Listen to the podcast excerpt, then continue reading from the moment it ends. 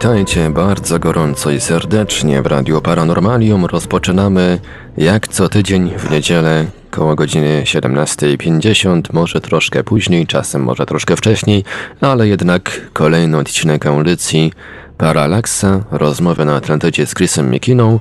Oczywiście poszukiwacz prawdy jest już e, teraz e, z nami połączony po drugim, na drugim końcu połączenia internetowego. Witaj Krysie. Witam z tego drugiego końca połączenia. Dobry wieczór wszystkim. Jak Państwo zapewne zauważyliście, dzisiaj Paralaksa ma inny podkład i już chyba raczej taki podkład pozostanie, bowiem niestety mój dysk twardy ostatnio w komputerze wziął i umarł, a razem z nim umarło wszystko to, co na tym dysku było, czyli m.in. również podkład, który dotychczas e, stosowaliśmy w Paralaksie. Także będzie trzeba jakiś nowy podkład zrobić, jakiś nowy jingle może, ale zanim to nastąpi, zapraszamy do wysłuchania kolejnego odcinka Paralaksy na żywo.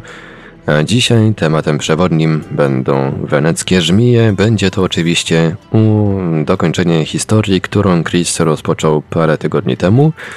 Zanim jednak przejdziemy do tematu, zanim oddam głos na drugi koniec świata, podam oczywiście kontakty do Radia Paranormalium, bowiem audycja jest zrealizowana, tak jak mówiłem, w całości na żywo. Można będzie, już teraz właściwie można dzwonić. Nasze numery telefonów to 32 746 0008, 32 746 0008, komórkowe 536 624 193, 536 624 193, skype radio.paranormalium.pl, gadu gadu 36 08 80 02.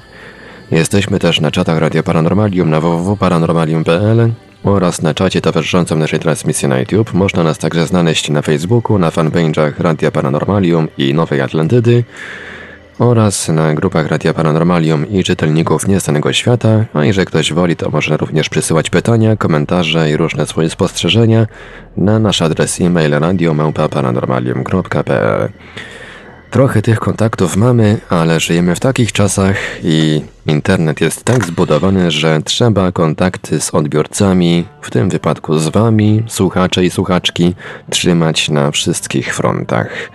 Oddam więc już teraz głos Chrisowi Mikinie. Chrisie? Witam raz jeszcze w Paralaksie, która ma być dokończeniem poprzedniego tematu i rzeczywiście jeśli chodzi o te kontakty, no to w ostatnim czasie e, no ja, ja sam jestem e, świadkiem tego, jak one bardzo wzrastają. E, jest to takie szczere wyznanie. Nie miałem pojęcia, że, mm, że tak, tak dużo przyjaciół słucha mnie po drugiej stronie tego naszego radiowego połączenia. I tyle słów otuchy, zachęty i wielu, wiele innych pozytywnych rzeczy usłyszałem, przeczytałem. Dziękuję za wszystkie listy, za wszystkie pozdrowienia absolutnie są bardzo potrzebne. Bez nich ciężko jest robić właściwie cokolwiek. Łatwo się zniechęcić, zwłaszcza, że zawsze jest gdzieś jakaś łyżka dziegciu. Ale generalnie oddźwięk jest pozytywny, zwłaszcza na tą moją ostatnią raczkującą jeszcze bardzo działalność. Czołgałem się na razie przez te wszystkie e, haszcze e, radiowej produkcji z ewentualnymi aspiracjami telewizyjnymi, bo i do tego w końcu dojdzie. Bardzo lubię każdą nową przygodę, więc jestem na nią otwarty no i po prostu zobaczymy, co z tego wyjdzie. Wielkie dzięki za wszystko i za to, za to że jesteście.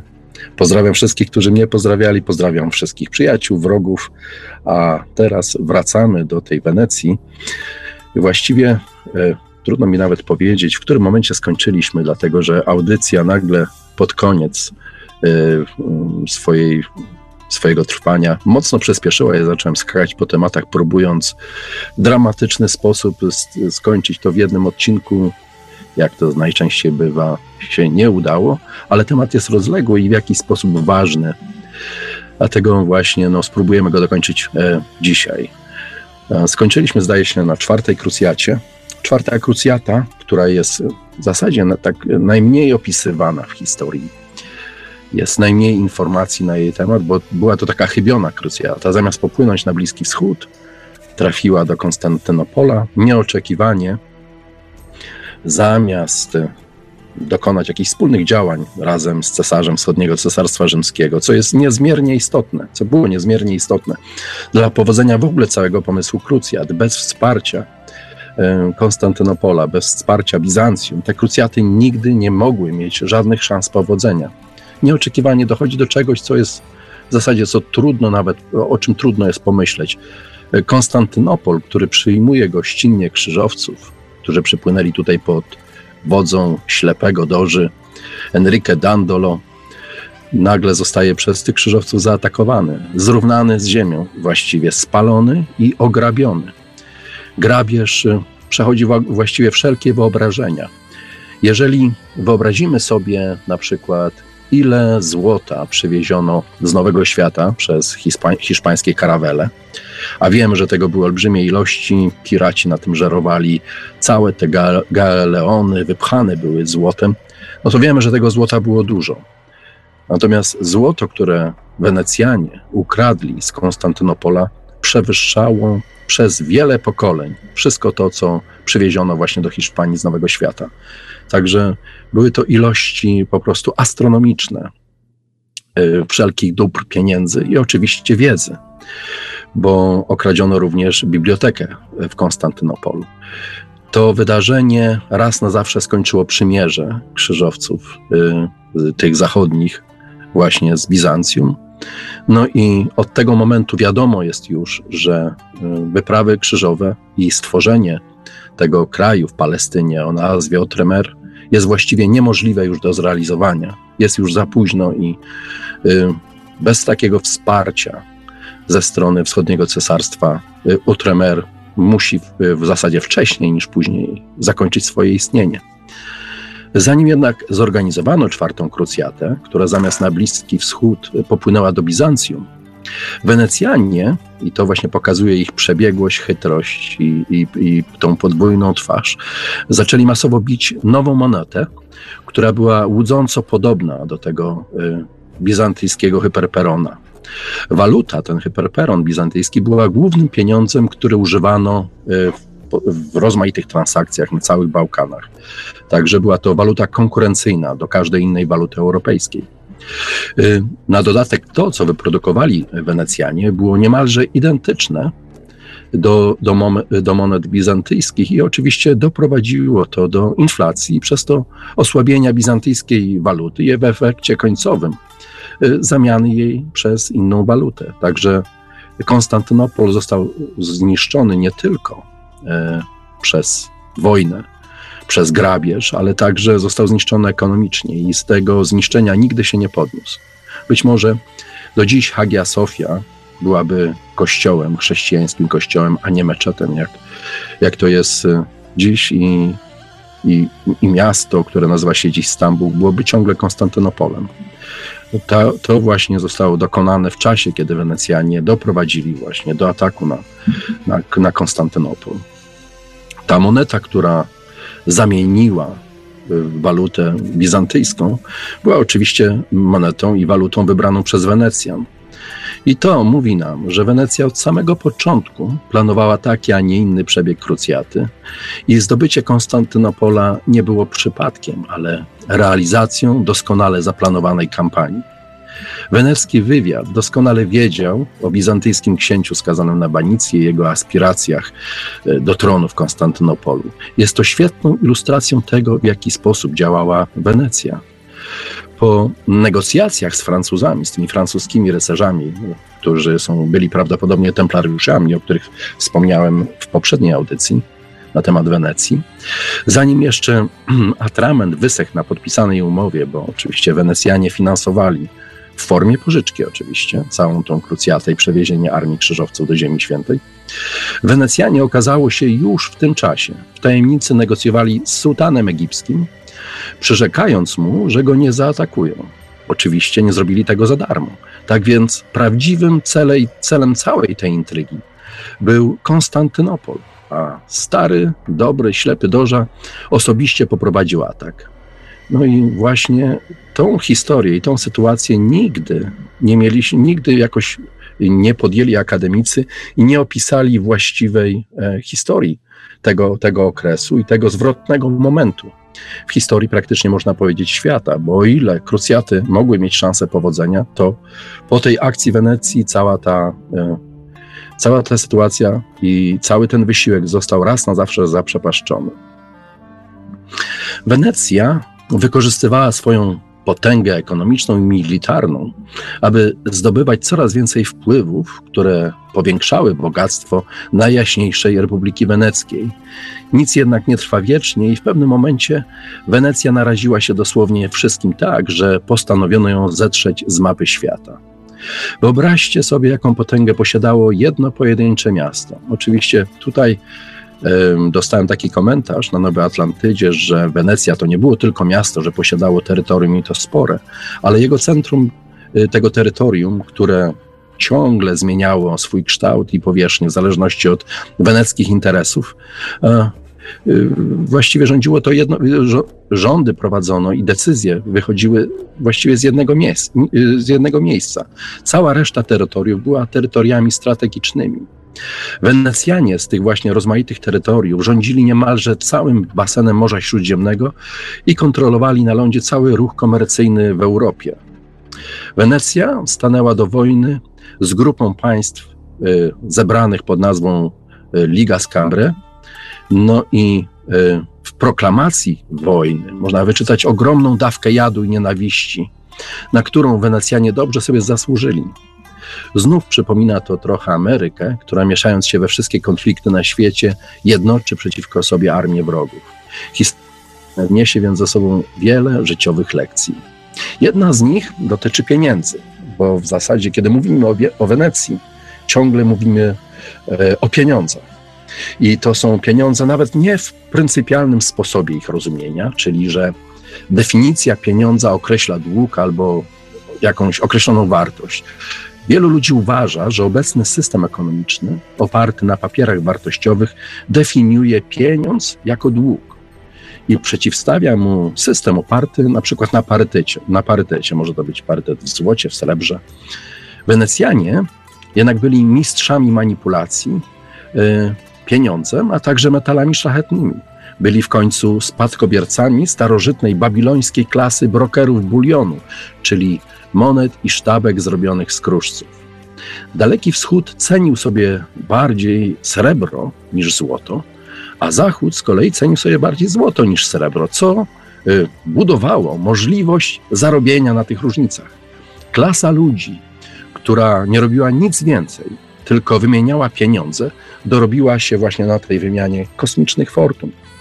Wenecja kontrolowała rynek kruszców w całej zachodniej Europie, manipulując przelicznikiem wymiany dzięki tej właśnie starożytnej wiedzy, którą potrafiono zastosować w realnych transakcjach. Jeśli pożyczali pieniądze, czy to królowi, czy papieżowi, i kwota ta miała zostać zwrócona w złocie, potrafili manipulować relacją ceny złota do srebra na swoją korzyść. I najlepszym przykładem tego typu działalności jest to, co przydarzyło się Florentyńczykom, którzy zbankrutowali, bo Wenecjanie e, sprowadzili do Europy i zalewali rynek olbrzymią ilością złota, załamując jego cenę. Florentyńczycy pożyczali Wenecjanom ogromne kwoty, które miały być zwrócone w złocie. Florentyńczycy, e, Florentyńczycy wietrzyli doskonały interes, a nawet szansę, że wreszcie Wenecjanom podwinie się noga i nie dadzą rady spłacić długu. No, było to naiwne myślenie. Wenecjanie za te pożyczone pieniądze robili olbrzymie zakupy, kupowali materiały, ziemię, nieruchomości, wszystko, co miało jakąś atrakcyjną cenę. Kiedy przyszła pora spłaty, Wenecjanie rzucili na rynek gigantyczną ilość złota. To załamało cenę kruszcu, doprowadzając do inflacji. Florentyńczycy nie tylko nic nie zarobili, ale stracili tak dużo, że załamało to gospodarkę finansowego centrum Europy, a nawet gospodarkę globalną w tym czasie. Wenecjanie posiadali dobra, które były warte w złocie wiele razy więcej niż za nie zapłacili, a Florencja była skończona, stała się bankrutem. Jednocześnie skończyło to epokę renesansu i pewien konflikt ideologiczny, o którym jeszcze dzisiaj będę mówił. Kiedy Wenecja zaczęła zdobywać nowe terytoria w północnej Italii, zaczęła przyjmować w swoje szlacheckie szeregi miejscowych notabli. Rody zamieszkujące te tereny miały wiele koneksji w Niemczech. I tu trzeba pamiętać, że Wenecja była y, państwem kompletnie autonomicznym w stosunku do y, Europy, z jednej strony zgrupowanej wokół zachodniego cesarstwa rzymskiego, a z drugiej wokół wschodniego cesarstwa. Także y, jest to samo w sobie czymś niezwykle unikalnym, jedynym w swoim rodzaju, że y, w tamtych czasach, co również nie, nie, jest zbyt mocno podkreślane w historii, istniał kraj o olbrzymiej potędze, potędze ekonomicznej i finansowej, a także militarnej, który był niezależny od tych dwóch centrum, centrów y, władzy. Y, koneksje z rodami niemieckimi są istotnym komponentem całej tej historii Wenecjanie uczyli niemieckie domy bankowe praktyki bankowej i jest tu, tutaj przykładem jest rodzina Fugierów, wówczas uważana za najbogatszą rodzinę ówczesnej Europy. Wenecja stworzyła system zasad bankowych, który obowiązuje do dziś. Ich e, ekspansja w samo centrum Europy wygląda nieco nielogicznie. Wenecja aspirowała do rangi światowego mocarstwa, a takie mocarstwo nie mogło istnieć bez dostępu do morza. Wenecjanie oczywiście mieli taki dostęp, posiadali także potężną flotę, z którą każdy się musiał liczyć. Myśleli jednak dalekosiężnie i na kilka pokoleń do przodu. Uświadomili sobie, że Wenecja jest zamknięta w pułapce. Leżąca na Adriatyku, otoczona wrogami i zamknięta Gibraltarem, nie mogła nawet marzyć o ekspansji e, poza Europę. W renesansie mamy do czynienia w historii y, renesansu, mamy do czynienia z protestancką reformacją i z katolicką kontreformacją. Europa nagle dzieli się na dwa obozy religijne. W tym czasie jednym z najbardziej wpływowych ludzi Kościoła jest wenecki kardynał Gasparo Contarini. Był on oczywiście kardynałem katolickim, ale co jest wręcz aż trudno do pomyślenia, otwarcie wspierał ideologię Martina Lutra. Nawet napisał do niego kilka listów. Jest to niezwykłe, dlatego że kiedy mówi się o reformacji, kiedy mówi się o tym, kiedy Martin Luther przybył, przybił te swoje tezy do wrót w kościele w Wirtembergi, no to wywołało to wielki ruch i zamieszanie w Europie, ale no trzeba popatrzeć na to z perspektywy tamtych czasów, gdzie nie było internetu, telewizji, komunikacji, jaką mamy dziś. I nagle, nieoczekiwanie, jakiś księżulo z prowincji, Martin Luther, o którym nikt nie słyszał, nabiera takiego olbrzymiego znaczenia. Może on nabrać takiego znaczenia tylko w jednym przypadku, jeśli stoi za nim ktoś bardzo, bardzo możny i wpływowy, który y, wynosi taką osobę w centrum uwagi. uwagi. I takim, taką osobą był kardynał y, Gasparo Contarini. Z dzisiejszego punktu widzenia, czytając pisma kardynała, wynika, że wspierał ruch luterański. Ten sam kardynał Contarini był także człowiekiem, który został mianowany na papieża, y, przez papieża przez, jako szef Rady Teologicznej, co zakończyło się Soborem Trydenckim.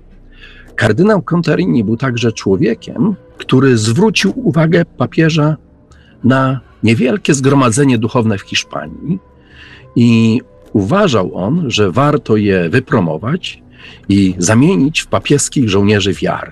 I mowa tu oczywiście o Towarzystwie Jezusowym, gdzie kardynał osobiście promował Ignacego Loyola. Mamy więc weneckiego kardynała lubiącego teologię luterańską, i który koresponduje z Lutrem, a z drugiej strony przygotowuje Sobór Trydencki, który potępia heretyków i sponsoruje jezuitów, przyszłe narzędzie kontrreformacji. Także ten przykład tej, te, tego właśnie, y, tej y, heglowskiej, y, tego, tej heglo, tego, jałć, heglowskiej metafizyki, tego podejścia do problemu, gdzie tworzy się tezę i antytezę, a jednocześnie znajduje się rozwiązanie, ma tutaj, y, ma tutaj swój własny, y, doskonały przykład, kiedy widzimy, że jeden kardynał, który doskonale panuje nad różnymi procesami, jakie dzieją się i rozgrywają w Europie, jest w stanie promować jedną ideologię, następnie ideologię, która jest temu przeciwstawna i doprowadza do zdarzenia jednej i drugiej, oczywiście wyciągając najlepsze wnioski, najbardziej zasadne i najbardziej y, y, sprzyjające y, wnioski dla samego siebie. I to pokazuje także, w jaki sposób działa Wenecja i na jakiej filozofii zbudowany został ten kraj i w jaki sposób narozrabiał on w Europie i to bardzo poważnie. Innym interesującym Wenecjaninem jest e, ksiądz Paulo Sarpi, doktor prawa kanonicznego, który był na przykład doradcą króla Henryka VIII. Człowiek ten otwarcie zwalczał Galileusza. Kiedy y, żył i mieszkał jeszcze w Wenecji, był y, w swoich najlepszych czasach szefem weneckiego wywiadu. To właśnie on jest odpowiedzialny za wywołanie wojny trzydziestoletniej, która było, była jedną z najkrwawszych wojen ówczesnej Europy. Zginęło w niej jedna trzecia populacji całej Europy i połowa populacji Niemiec. To właśnie Sarpi zorganizował zamach na króla Francji Henry, Henryka IV, który ogłosił, że Sarpi jest ateistą. E, e, Sarpi był genialnym i doskonałym matematykiem. E, natomiast człowiek, którego zwalczał, Galileusz, który jest symbolem renesansu, bohaterem prawdopodobnie wielu słuchaczy dzisiejszych, był nikim innym, a płatnym agentem Sarpiego. Było to, była to znowu, było, było to znowu stworzenie tezy i antytezy, którą się kontroluje. Uważa się na przykład, że Galileusz wynalazł teleskop, teleskop a nasz luminarz, pisarz Mikołaj Rej, który odwiedził Padwę, napisał, że teleskop wynalazł Paulo Sarpi, największy matematyk wszech, wszechczasów. Galileusz kradł między innymi y, myśli Keplera, y, y, napisał w dialogach właściwie to samo, zapominając wspomnieć Keplera, czym osłabiał pozycję Keplera, a jednocześnie pozwalał kontrolować, kontrolować rozwój nauki w tamtych czasach. A za wszystkim tym stał właśnie Sarpi, który manipulował przebiegiem wypadków. Stworzył nawet, stworzył nawet ten sztuczny proces, w którym Galileusz miał mm, zaprzeć się samego siebie i przez to stał się osobą niezwykle popularną i, i znaną jako taki bojownik o, o, o prawdę, a tymczasem, tymczasem był w maskach Wenecji, no i e, pracował właśnie dla tej wielkiej weneckiej maszyny propagandowej. A było na co pracować, bo cała ta maszyna propagandowa, która zaczęła sterować y, nauką tamtych czasów, wypromowała paru innych ludzi, wypromowała Francisa Bacona, Johna Locke'a i między innymi nawet Izaaka Newtona. Także jest to e, e, niezwykła ilość jednych z najwspanialszych luminarzy tamtejszej Europy, ludzi, którzy stworzyli podwaliny nauki i stworzyli podwaliny systemów naukowych, który, które właściwie, którym hołdujemy, hołdujemy do, do dziś. Za tym wszystkim stał y, właśnie Paulo Sarpi, wenec, wenecki szef wywiadu, jeden z największych manipulatorów ówczesnej Europy, który znów tworzył tworzył obie e, pozycje konfliktu po to, ażeby zwalczały się nawzajem. No i jak mówi stare polskie przysłowie, gdzie dwóch się bije, tam trzeci korzysta. Tym trzecim zawsze była Wenecja. Wenecja szybko stała się największym wydawcą książek w Europie, e, dzięki oczywiście wynalazkowi druku przez Gutenberga. Weneccy oligarchowie zdali sobie szybko sprawę, że druk może przynieść ze sobą wiele problemów. Dlatego uznali, że należy go kontrolować. I co drukowali Wenecjanie? Y, drukowali pisma tak katolickie, jak i protestanckie. Mieli swoje paluchy wsunięte w każde możliwe miejsce konfliktu. Y, Webster Tarpley napisał w swojej książce o czarnej szlachcie weneckiej, że ich działalność obliczona była na zaostrzanie każdego możliwego konfliktu jako sposób ukrycia swojej własnej ekspansji na północ zdali sobie sprawę, że nie mogą prowadzić dalej swojej globalnej mocarstwowej polityki z bagien północnego Adriatyku. Czasy się zmieniały, Kolumb odkrył nowy świat, dominacja nad tym światem nie mogła być prowadzona z takiego z, zakątka Europy, gdzieś na praktycznie jej skraju i na końcu świata. Przez Wenecjanie przez kontakty z rodami żyjącymi po drugiej stronie Alp transferowali swój koncept zarządzania, administracji i ekonomii. Jakie miasto wybrali? No takie, żeby też miało własne bagno i kanały i w jakiś sposób przypominało Wenecję. I tym miastem był właśnie Amsterdam. A stamtąd Przez kanał La Manche Wenecjanie przenieśli się do Londynu. Wenecki wirus został zaimplantowany na północy. Yy, także zaczyna się swego rodzaju nowa era w historii, bo jeżeli przy, przyjrzymy się historii i przyjrzymy się tej transformacji z renesansu i średniowiecza do właśnie czasów późniejszych, zauważymy, że gdzieś zachodzi bardzo gwałtowna zmiana, kiedy popatrzymy, jakie kraje prowadzą ekspansję wobec na przykład eksploracji nowego świata, w odkryciach geograficznych, to są to tradycyjnie Hiszpanie, Portugalczycy, oczywiście Wenecjanie. I nagle to wszystko się kończy. Nieoczekiwanie, jak e, diabeł z pudełka, wyskakują takie potęgi morskie jak, jak Holandia czy, czy Anglia. Dziś traktujemy to normalnie z tego względu, że i Holandia, i Anglia są krajami morskimi o długiej historii, o e, olbrzymiej ilości najrozmaitszych odkryć i osiągnięć morskich, więc wydaje nam się, że było tak zawsze. Jeśli popatrzeć jednak na to, w jaki sposób rozwijała się renesansowa y, Anglia czy, czy, czy Holandia, tej, tego rozwoju floty, tego rozwoju poszukiwań geograficznych wcale nie widać. W zasadzie można nawet odnieść wrażenie, że Anglicy i Holendrzy przesypiają kompletnie moment, w którym Hiszpanii i Portugalczycy dzielą między, między siebie nowy świat. Ich w tym momencie nie ma. Ich ekspansja zaczyna się e, od tego, że, e, że właśnie Wenecjanie zaczynają tworzyć swoje banki poza Wenecją. Zaczynają je tworzyć w Amsterdamie, w Genewie i w Londynie. I do dziś te miasta są jednymi z największych centrów e, finansowych świata decydują o tym, w jaki sposób ma wyglądać światowa ekonomia. Także to, co zbudowali Wenecjanie w tych miejscach, jest czymś niezwykle trwałych, trwałym i, i, i czymś, no, co odczuwamy właściwie każdego dnia. A istnieją dowody na to, że y, Wenecja y, wprowadziła hiszpańskie złoto z Nowego Świata na rynek europejski. Y, Wenecja kontrolowała wydobycie srebra w obu Amerykach i utworzyła srebrny standard pieniądza, parytet w srebrze, którym na przykład płaciło się za korzenie. Nie można było zapłacić inną walutą za korzenie przewożone y, z Azji czy z Ameryki niż, niż srebrem. I ten koncept dziś działa na przykład, w, kiedy na przykład ktoś usiłuje kupić sobie ropę. Ropę można kupić oficjalnie na rynku za, wyłącznie za dolary. Jeśli kraj nie ma dolarów, musi najpierw nabyć dolary po to, żeby kupić sobie ropę. Dlatego istnieje, y, działa ta, ten, ten system petrodolara. System jest, jest dziwny, ale przynosi podwójny zysk.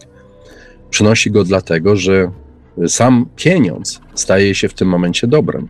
Jeżeli cała Europa za korzenie musiała płacić w srebrze, musiała to srebro, na, srebro nabywać. A skoro Wenecjanie ustalili parytet waluty w srebrze, w związku z tym mogli nim dowolnie manipulować tak, ażeby zawsze e, móc zdobyć większą ilość gotówki dla siebie i zarobić właściwie tylko i wyłącznie nie na produkcji, a na, na wymianie, na pośrednictwie. Taka była Wenecja. W XVIII wieku Wenecja zgromadziła astronomiczną ilość płynnej gotówki i był to znak, że migracja się rozpoczęła. Jest to moment, w którym Wenecja rozumie, że już nie może pozostać w miejscu, którym była przez wieki, że musi zmienić swoją operację i swój sposób działania.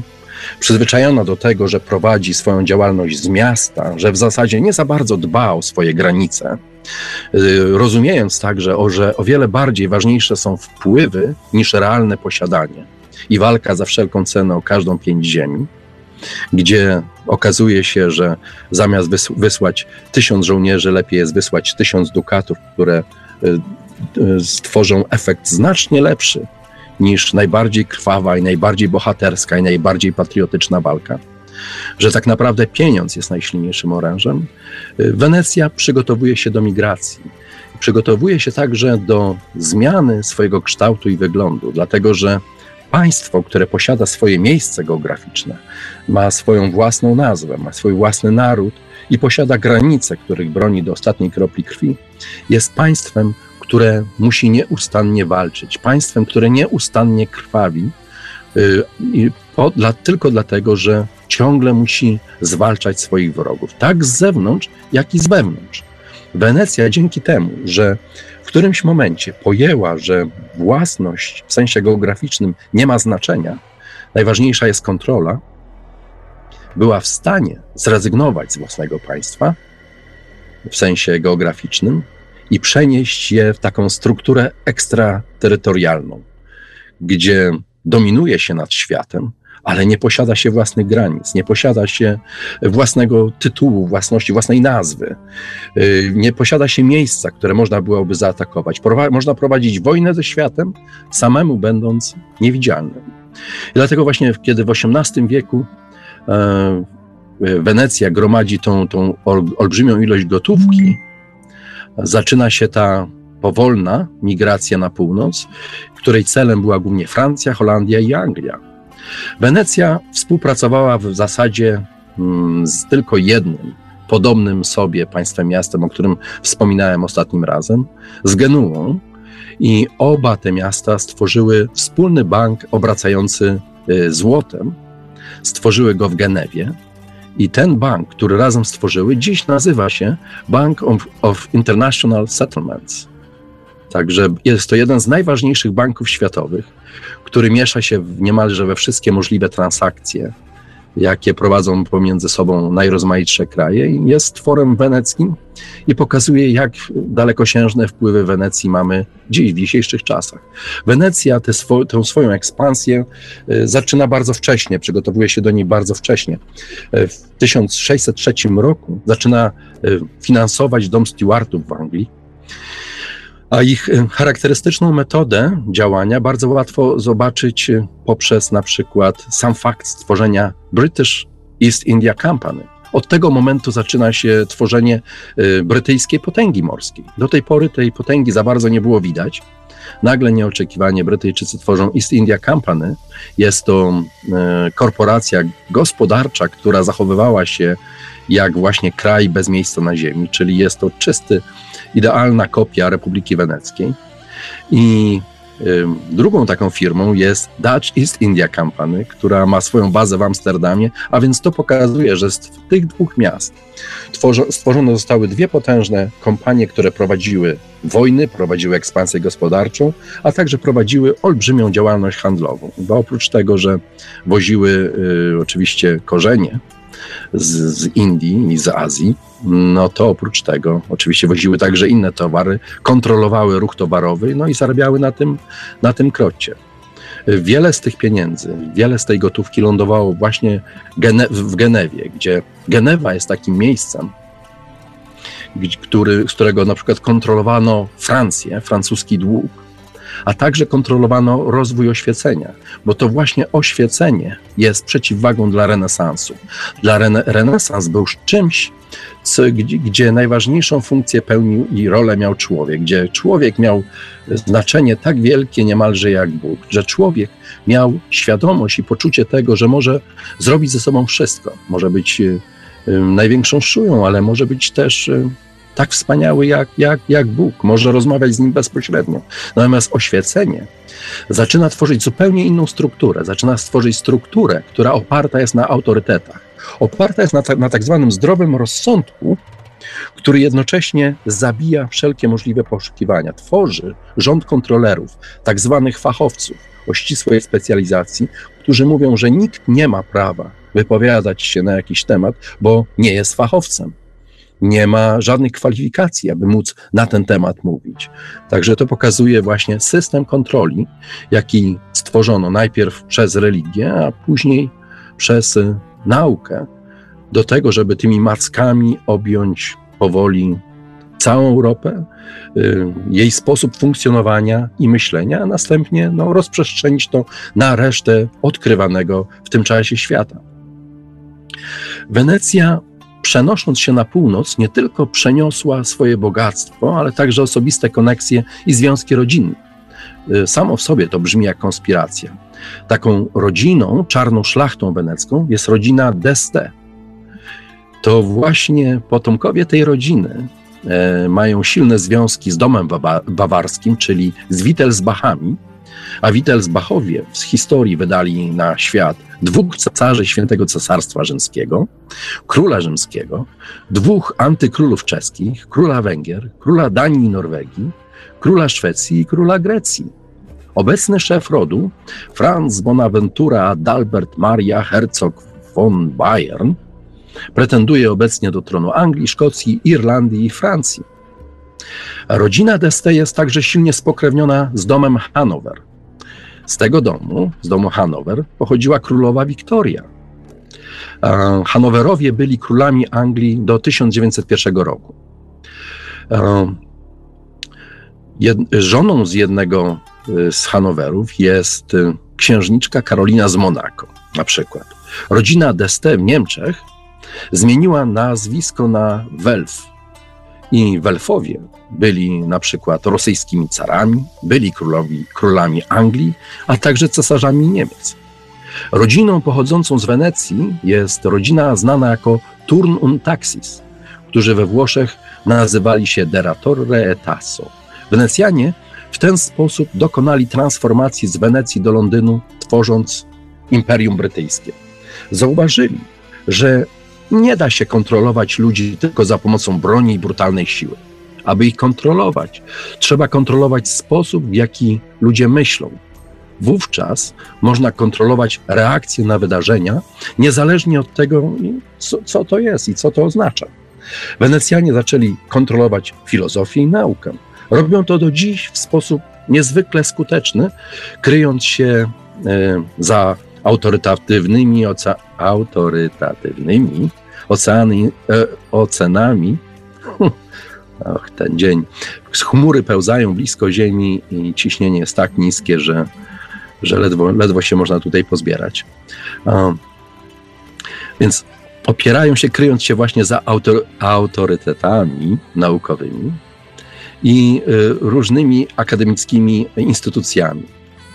Wenecjanie na przykład y, wsławili się w tym, że podczas amerykańskiej rewolucji to właśnie oni, rodowici Wenecjanie, stanowili jedną trzecią personelu całej British Royal Navy. Ległe, 200 parę lat temu. Wciąż y, Wenecjanie, którzy urodzili się w Wenecji, stanowią jedną trzecią floty brytyjskiej, co jednocześnie jest dowodem na to, że jak silne są związki Wenecji z Imperium Brytyjskim i kto tak naprawdę stworzył brytyjską potęgę morską. Nie Brytyjczycy, a właśnie Wenecjanie, którzy zasymilowali się Wielkiej Brytanii i do dziś rządzą poprzez City of London. Nie tylko Wielką Brytanią, ale także prawdopodobnie resztą świata. świata. Jest to najpotężniejszy najpotężniejsze centrum finansowe, jakie istnieje obecnie na świecie. I dlatego nie ma nic dziwnego w tym, że e, to właśnie Wenecja i jej pieniądze były tym inkubatorem faszyzmu. Na przykład Wagner, który kojarzony jest z faszyzmem, sam nie był faszystą, ale kojarzony jest ze względu na te monumentalne dzieła muzyczne, jakie napisał, no pisał je właśnie w Wenecji Żył w Wenecji, zmarł w Wenecji. Wenecjaninem, czy za weneckie pieniądze, bo opłacany z weneckich pieniędzy był Thomas Malthus, który pisał o tym, że jest nas na świecie zbyt wielu i trzeba dokonać jakiejś depopulacji. Wenecki hrabia e, Volpi e, di Misurata był człowiekiem, który finansowo wsparł powstanie faszy, faszyzmu we Włoszech. Wenecjanie stworzyli także no, rozmaite think tanki. Jednym z nich było Stowarzyszenie Kultury Europejskiej.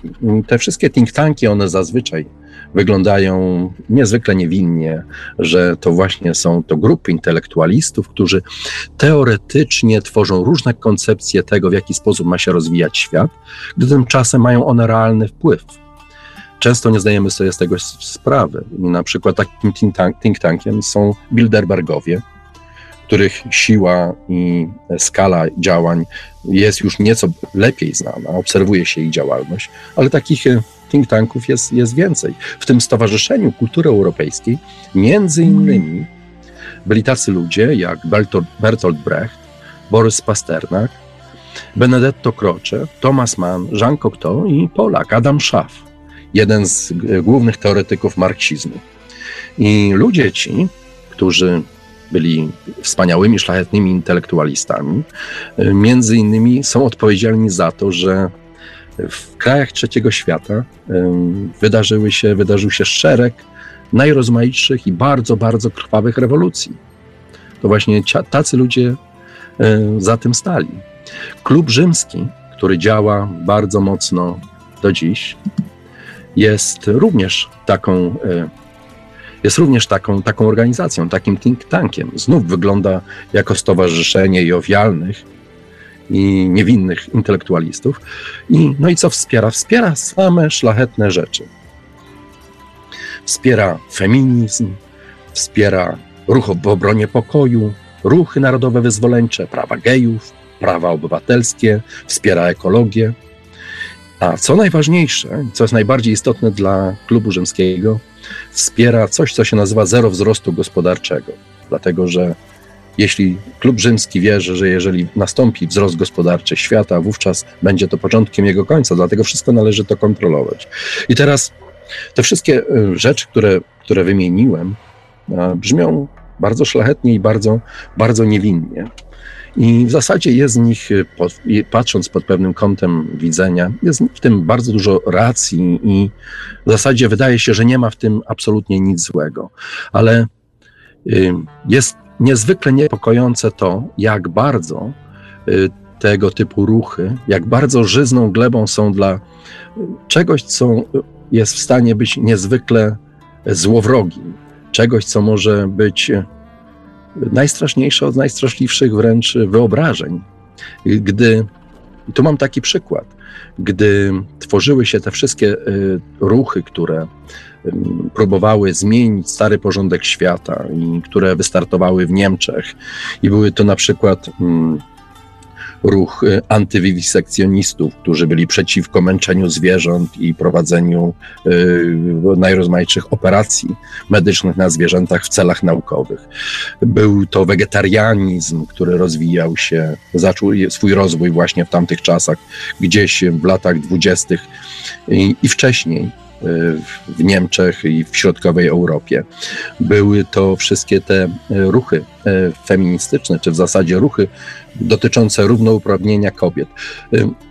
To, to również brzmi szlachetnie, ale jeśli, jeśli nagle okazało się, że na przykład taki Adolf Hitler był właśnie wegetarianinem i antywiwisekcjonistą i właśnie wyrósł na tym ruchu buntu, no to widzimy, jak grzezną glebę jest, jest, jest tego typu ruch i do czego on jest w stanie doprowadzić, że wcześniej czy później um, ludzie, którzy zaczynają rosnąć w tym, tej szlachetnej idei, nieoczekiwanie stają się kimś, kimś e, takim, co trudno mieści się w głowie i wielokrotnie można było ten, ten rodzaj tego, te, tej przemiany obserwować. Dziś taką przemianę obserwuje się, kiedy powoli do głosu dochodzi pokolenie y, dzieci, które wyrosły na filozofii dzieci kwiatów w Stanach, na tym ruchu, szlachetnym ruchu antywojennym, antywietnamskim, na tej równości społecznej i innych szlachetnych ideach, to właśnie oni dziś zaczynają krzyczeć najgłośniej, że świat należy zmienić i y, oni zgadzają się ze wszystkim pod warunkiem, że nikt nie ma innego zdania niż oni. Jeżeli, jeżeli ktoś ma inne zdanie, Antifa zrobi z tym wszystkim porządek.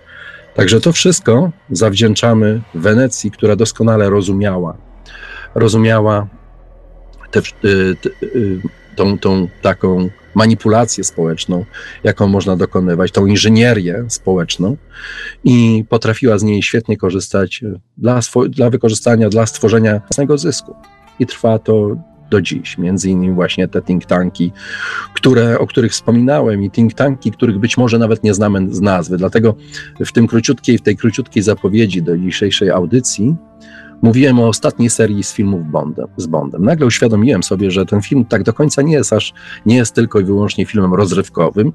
Jest oczywiście filmem, którym to wszystko jest wyolbrzymione, te wszystkie historie są bardziej, mają być kolorowe, przygodowe i mają dawać uciechę, niż opisywać coś prawdziwego, czy coś, co istnieje rzeczywiście jak w jakichś tam strukturach i oddziaływuje na nasze życie, ale nieoczekiwanie doskonale to widać, gdzie pojawiają się różne ciemne typy, których nikt nie znał, których nikt nie słyszał, którzy właściwie nic nie znaczą dla przeciętnego zjadacza chleba, a trzymają w rękach niezwykłą władzę i mają niezwykłą potęgę, którą są w stanie wykorzystać w dowolnym miejscu, w dowolnym czasie, według jednej filozofii, która realizowana jest już od kilkuset lat.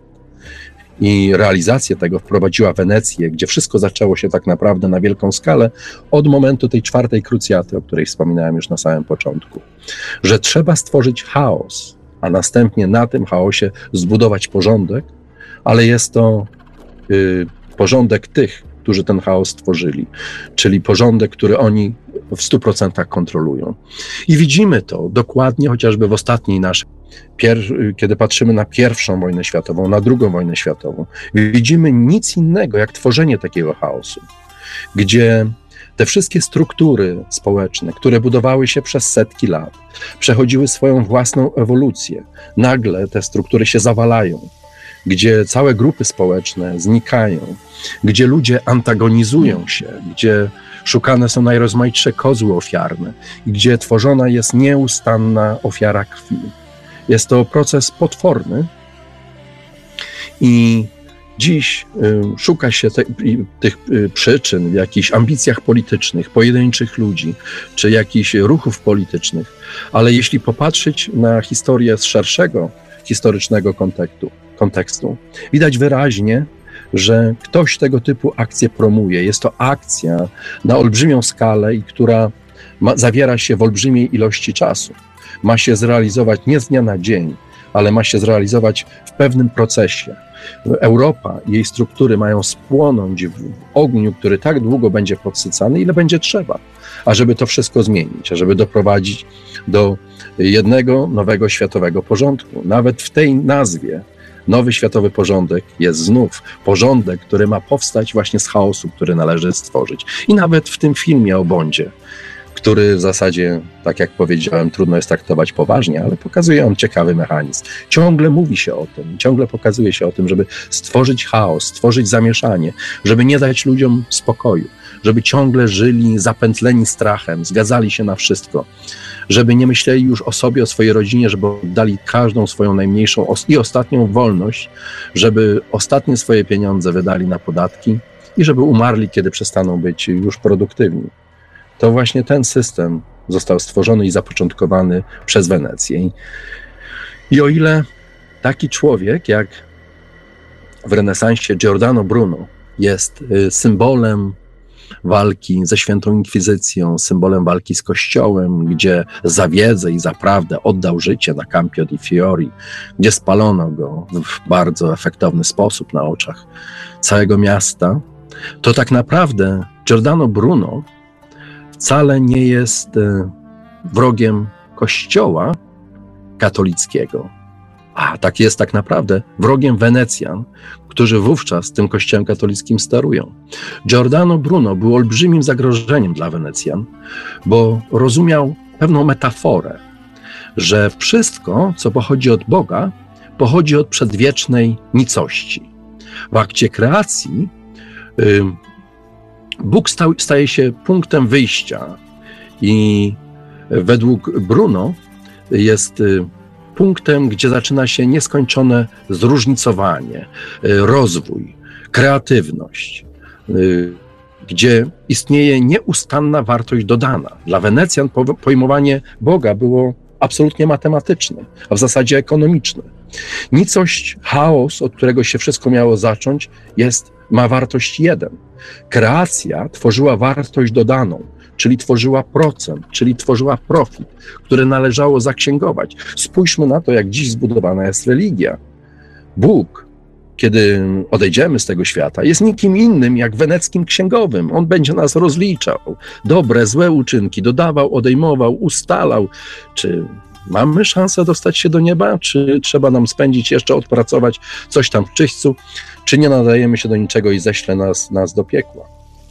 Bóg w obecnym sensie, w obecnym sensie wręcz liturgicznym jest, jest księgowy, jest nikim innym jak, jak księgowym i w taki sposób Jego obecność rozumieli właśnie Wenecjanie, którzy żyli dla zysku i ten zysk był dla nich najważniejszą filozofią tego życia i najważniejszym sensem życia. Było to opętanie wręcz, wręcz pieniądzem, władzą i bogactwem. Dla Bruno kreacja e, tworzyła nową jakość oznaczoną matematycznie kolejnymi numerami. 1, 2, 3, 4. Można, ich było do, można je było dodawać. Dla Wenecjan wartość istnienia miała tylko jeden, cała reszta była procentem. A metafora, czyli pojęcie Boga, ma dla Kościoła katolickiego taką trinitarną strukturę. Mamy Boga w trzech osobach i jest wynikiem nie objawienia, a właśnie konceptualizacji medium. Nie musi być y, y, to prawdziwe, ale jest głosem rozsądku. Nie ma w, obecnie w Kościele katolickim zbyt dużo miejsca na objawienia. Dlatego na przykład spójrzmy na rolę apokalipsy świętego Jana. Jest ona traktowana przez Kościół katolicki bardzo mocno po ma macoszemu. Y, w finansach reprezentacją wartości stworzonej przez nicość jest ten złoty bulion, grudki, sztabki złota, monety, którym nadaje się wartość. Kiedy, yy, kiedy ta, ta wartość zaczyna być nadawana, kiedy właśnie tworzy się taką, taką monetę. I yy, jest taki angielski pisarz, nazywał się Seaforth, który napisał, stworzył taką teorię, no, powiedziałbym, troszeczkę kontrowersyjną, że cała ta metafora, czyli yy, sposób, w jaki rozumiemy po, powstanie świata i rolę Boga w Trójcy, który funkcjonuje dziś i jest częścią kanonu chrześcijańskiego, zostało to zbudowane po wynalezieniu monety, jako, bo to moneta była medium stworzenia. Także z tego powodu to, co stworzył renesans, a, a zwłaszcza to, że przywołał on, czy czy odkrył on na nowo hermetyzm, który pochodził ze starożytnego Egiptu i poprzedzał on, i poprzedzał on wszystko to, co zostało y, w ekonomii stworzone, czyli produkcję monet, tworzenie systemu ekonomicznego, stworzenie wartości dodanej, procent, pożyczka i tak dalej, cała ta buchalteria. Więc ten hermetyzm był olbrzymim zagrożeniem, ideologicznym zagrożeniem dla Wenecji. I dlatego nawet z tego powodu, z tego powodu y, Wenecja czuła się zagrożona i zwalczała przede wszystkim system ideologiczny, który y, mógłby w jakiś sposób obudzić ludzi i stworzyć ich bunt przeciwko temu, co chcieli y, wprowadzić i co w rzeczy samej udało się wprowadzić Wenecjanom w, w sposób, w jaki działa świat. E, Bruno uważał, że jeśli istnieje coś, co przemawia jako Bóg lub, lub jako kosmos poprzez swoich reprezentantów, jest oszustwem, bo ta metafora jest otwarta dla każdego, kto chce za nią podążać. Uważał, że nasza świadomość nie jest lokalna. Uważał, że także, że niepotrzebna jest elita, która kontroluje religię i finanse. I chciał on wymienić panujący wówczas system socjo-religijno-finansowy, który zresztą de facto istnieje do dziś, co oznacza, że trzeba wymienić e, chrześcijaństwo na coś innego. I dopiero w tym sensie, i dopiero w tym sensie y, istnienie Bruno i, i, i ofiara, jaką poniósł, jest dopiero wówczas jest ona pełni rozumiana. Z innego powodu nie bardzo rozumiemy, dlaczego spalono Bruno. Co takiego Bruno powiedział i zrobił, że, że naraził się aż tak bardzo, że trzeba było dokonać czegoś tak niezwykle gwałtownego.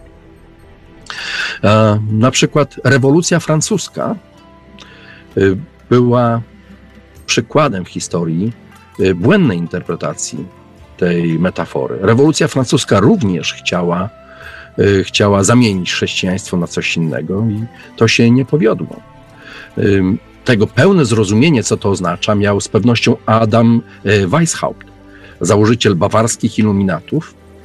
I pisał on, że jeśli e, rzeczywiście jest to prawda, to o czym mówił Bruno, to o czym, że każdy z nas ma dostęp do tego przedwiecznego źródła, do Boga i nie musi rozmawiać z nim poprzez pośredników, no to musimy wyeliminować wszystkich książąt i księży rozumiał to jako fizyczne usunięcie takich e, osób ze społeczeństwa. Także jest to, jest to niezwykła, e, niezwykła historia, która przewija się nie tylko w działaniach, realizacji jakichś procesów historycznych, nie tylko w rozmyślaniu na temat sensu i roli religii, czy wyjaśnianiu sensu istnienia Boga i potwierdzaniu jego istnienia, tworzenia się religii. Istnieje w każdym niemalże aspekcie y, życia, życia ludzkiego. Dlatego z tego powodu na przykład y, Katarzy i Albigensi, którzy wierzyli właśnie w to, że niepotrzebna jest Y, niepotrzebni są pośrednicy, że każdy ma prawo do własnego szczęścia i własnej wolności. Każdy może być tym, czym chce. Te wspaniałe ideały, które gdzieś każdy z nas ma y, gdzieś w sobie zakodowane i marzy, żeby móc czegoś tam dokonać i coś zrobić, no musieli zostać zlikwidowani. Zostali zlikwidowani w sposób bardzo, bardzo krwawy. Ich los podzielili templa templariusze. Templariusze, mm, templariuszy Wenecjanie doskonale znali, prowadzili razem z nimi szereg najrozmaitszych, y, czasem bardzo ciemnych interesów i doskonale wiedzieli, jaka jest filozofia templariuszy, która również oparta była na tym właśnie prehistorycznym hermetyzmie. Hermetyzmie, który ma swoje źródła gdzieś w starożytnym Egipcie. I dlatego templariusze z tego powodu, zwłaszcza, że sami stworzyli także potęgę militarną i olbrzymią potęgę finansową, musieli zostać również wyeliminowani z tej gry. Na podobnej zasadzie wyeliminowano na przykład husytów e, w Czechach, którzy również e, e, byli krytyczni wobec, wobec Kościoła i pojmowania religii, Boga poprzez właśnie dogmaty i hierarchię kościelną. Ten, w ten sposób także wyeliminowano hiszpańskich Żydów, którzy ożywili kabałę i przez kabałę znaleźli w jakiś sposób dostęp do Boga, znaleźli dostęp do Jahwe, promowali systemy e, ezoteryczne. Zostali w bardzo okrutny sposób e, e, zlikwidowani. Także pieniądz, który rządzi tym światem, rządził nim od zawsze Pieniądz ma swój początek na początku istnienia naszej cywilizacji w Sumerze i zawsze był związany z religią i ze składaniem ofiar. Jedynym krajem, gdzie nie ma takiego połączenia, jedynym miejscem, w którym nie istnieje połączenia pomiędzy religią, pieniądzem a ofiarą, jest Egipt. I dlatego metafora kreacji w Egipcie to nieustanne tworzenie, które jest wolne od tego długu. Metafora może być więc interpretowana w dowolny sposób i wszystko zależy, zależy tutaj od kontekstu. I, I w zasadzie w tym miejscu wypadałoby kończyć powoli naszą audycję. Mam nadzieję, że niezbyt dobrze mi to dzisiaj szło, ale mam nadzieję, że ta idea i ten ten sposób przedstawienia Wenecji jako ośmiornicy, która próbuje kontrolować każdy aspekt życia, jednocześnie sama, nie będąc widzialna, jednocześnie sama, która potrafi zmieniać siebie, zmieniać swój kształt, być takim shapeshifters, zmieniać się w zależności od okoliczności, czasu, warunków dookoła i tylko po to, ażeby mm, osiągnąć swój własny cel, każdym możliwym kosztem, no, został w jakiś sposób przedstawiony, pokazał ich olbrzymie znaczenie w historii Europy, pokazał ich znaczenie także i dziś, gdzie Wenecjanie ciągle żyją wśród nas, ciągle nie zależy im na tym, żeby świat był szczęśliwy i rozwijał się, a tworzył, a interesuje ich wyłącznie ich własny interes, ich własny zysk i kontrola nad tym, jak ten świat wygląda i nie spoczną dopóki tego wszystkiego nie zburzą. Jeśli chcieliby się temu bliżej przyglądać, być może ci właśnie Wenecjanie, a przynajmniej ich filozofia jest y, pierwszym elementem, który tworzy zarzewie każdego konfliktu. To przecież oni są autorami wszelkich możliwych ruchów, buntów, które kontrolują w każdym aspekcie i dzięki temu są w stanie stworzyć dla nich przeciwwagę i kontrolować obie strony obie strony konfliktu, po to, żeby móc na końcu no, samemu wygrać na tym wszystkim. Robią to od zawsze i do tej pory. Nikt za bardzo nie zorientował się, na czym to wszystko polega, i ciągle szuka się jakichś dziwnych problemów. Pomiędzy sobą różnic zdań, obrzuca się obelgami, e, obraża się za jakieś niewielkie, zupełnie inne rzeczy, które, które urastają do rangi olbrzymiego konfliktu, e, doprowadzają do tego, że w kraju powstaje chaos, zniszczenie i pożoga, gdzie wszyscy są ze sobą skłóceni i na koniec przyjeżdża walec historii prowadzony przez e, rześkiego Wenecjanina, który rozjeżdża wszystko na placek. I na tym placku buduje się od nowa tylko że buduje się w sposób już ściśle określony, w taki, jaki został ustalony przez kierowników z Banku Londyńskiego, z Wall Street, z Genewy, z tego Bank of International Settlements i paru innych miejsc.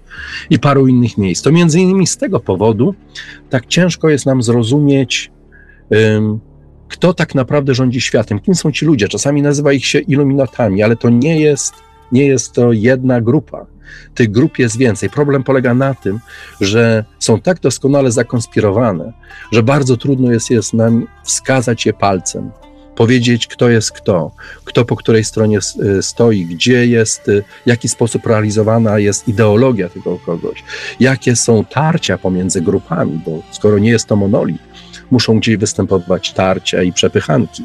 Jedna koncepcja zwycięża nad drugą, natomiast my ciągle nie jesteśmy świadomi, co wydarzyło się gdzieś na górze. I dlatego myślę, że tak jak bardzo brzmi to jak teoria konspiracji, to patrząc na to z perspektywy historycznej i widząc to na przykładzie tego, co, co, dokonała w historii Wenecja i czym jest dziś, jaką transformację dokonała, myślę, że konspiracja, słowo konspiracja absolutnie odpada już od tego terminu teoria konspiracji. Zostaje sama teoria. Teoria, którą trzeba praktycznie sprawdzić, zbadać, kto kim jest, za czym, za, za czym stoi i co, co reprezentuje, jaką siłę i stworzyć nową mapę świata, już nie polityczną, bo to nie Polacy nienawidzą ruskich, Anglicy, Francuzów i tak dalej, i tak dalej. To nie ma znaczenia. Te konflikty są tylko i wyłącznie dla nas. Prawdziwe konflikty są gdzie indziej, gdzie ścierają się interesy rodów, tak jak widać to na przykład na przykładzie rodów weneckich, które trzymają się od czasów babilońskich, od czasów babilońskich. To okazuje się nie być żadną legendą. Co jakiś czas ktoś mówi o tym, że te rodziny mają swoje korzenie gdzieś tam, gdzieś tam daleko i brzmi to wręcz nieprawdopodobnie. Okazuje się, że jest to wszystko history, historycznie do udowodnienia i robią to Robią to y, zawodowi historycy o doskonałej reputacji. Nie robią to jednak jak, jako całość. Trzeba po prostu szukać tych informacji w ich książkach i nagle one układają się w taką jedną całość że rzeczywiście okazuje się, że to właśnie rody babilońskie, tak jak mówiłem w poprzedniej, pierwszej części, te rody babilońskie zostały najpierw jako niewolnicy sprowadzeni do Rzymu, wzięli jakiś aktywny, intensywny udział w obaleniu Republiki Rzymskiej i stworzeniu cesarstwa, gdzie widać to po napisach na nagrobkach. I nagle ci ludzie zaczynają dochodzić do władzy, i kiedy cesarstwo rzymskie chyli się ku upadkowi, ta republikańska idea, idea Republiki Rzymskiej, ale także idea e, państwa miasta, greckiego państwa miasta, y, zaczyna być realizowana w Wenecji, tylko że jest to realizacja, która wręcz rośnie tak, jakby była na sterydach. Jest ona wynikiem wielu doświadczeń, od czasów babilońskich aż do y, czasów współczesnych tych ludzi, którzy to zakładali. I jednocześnie powstaje wizja, jaki ma być tego dalszy rozwój. Wizja na tyle dalekosiężna, że na kilkaset lat przewiduje, że rola Wenecji w świecie, w którym ona wówczas funkcjonowała, z pewnością się zmieni. Zmieni się na jej niekorzyść, zmieni się świat. A dlaczego się zmieni? Skąd wiedzieli to Wenecjanie?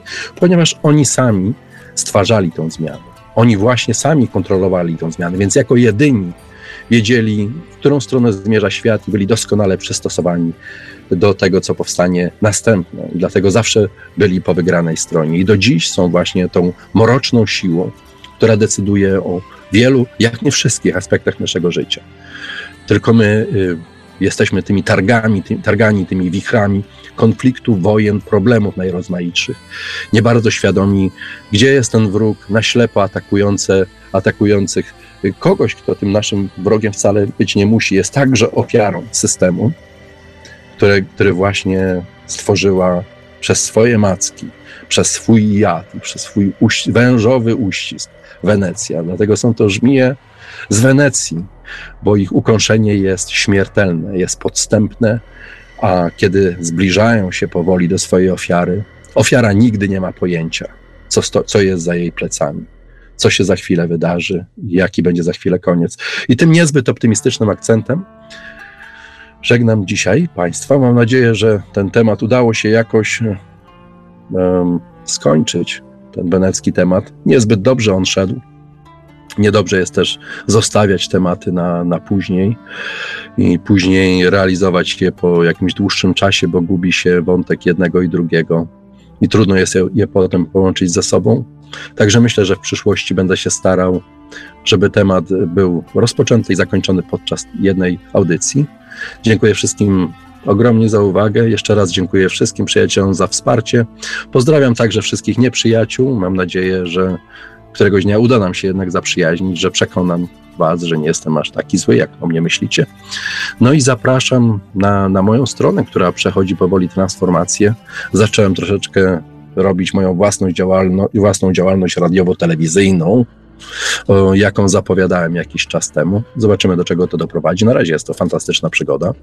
Y, przygoda oczywiście bardzo, bardzo pracochłonna. Nie zdawałem sobie sprawy, że wgranie na YouTube 40-minutowej godziny, a przecież jeszcze trzeba tą audycję zrobić w jednym programie, w drugim programie, jakieś dołożyć y, do tego wszystkiego ilustracje, więc jest to niezwykle pracochłonny, y, pracochłonna metoda i podziwiam tutaj Iweliosa, bo naprawdę on jako pojedyncze, pojedyncza osoba w radiu Paranormalium do, dokonuje tytanicznej pracy, żeby to wszystko złożyć w jeden kawałek, te wszystkie audycje, poustawiać je we własnej kolejności, poustawiać wszystkie bazy danych, ustawić się gdzieś tam na YouTubie, jeszcze w innych miejscach. Także i w Eliosie jestem pełen podziwu. Ja sam ledwo daję sobie radę z tym, co zacząłem, ale, ale bardzo mi się to podoba. O ile audycja, którą emituje Radio Paranormalium, nazywa się Paralaksa i nazwa została stworzona jeszcze właśnie w dawnych, dawnych czasach przez, y, przez Radio Paranormalium, więc y, generalnie jest to nazwa mojego programu, ale została stworzona przez, przez radio Paralaksa. To ta moja już y, robiona na własną rękę audycja nazywa się dzięki temu, że sketch Stanisława Tyma wysłał mi kolega Michał, nazywa się Polaraxa. Niektórzy nie pamiętają, co, kto to był Polaraxa. Ja jako sześciolatek byłem e, nieludzko zakochany w Poliraksie, która razem z czołgistami jechała sobie na zachód, aż do Berlina. Także była to, był to niesamowity film, który każdy człowiek w moim wieku ma za sobą, a także część młodego pokolenia. Y, tyle, że pamiętają główną tą aktorkę jako, jako Marusia Aganiok, tymczasem była to Pola Raxa, taki miała pseudonim artystyczny. Natomiast y, w tym jako nazwa, jako nazwa mojego nowego programu, no to ma ona związki i z Polar, bo ma słowo polar w sobie i aksa, czyli ma siekierę w sobie, ale ma także słowo pol, czyli w jaki sposób łączy mnie z Polską, z której pochodzę, z którą jestem strasznie mocno związany i, i w języku naszego, naszego kraju. Ciągle mówię, myślę i mi to bardzo odpowiada. Także jeszcze raz Państwu e, serdecznie dziękuję za uwagę. Zapraszam na następne programy i dobranoc.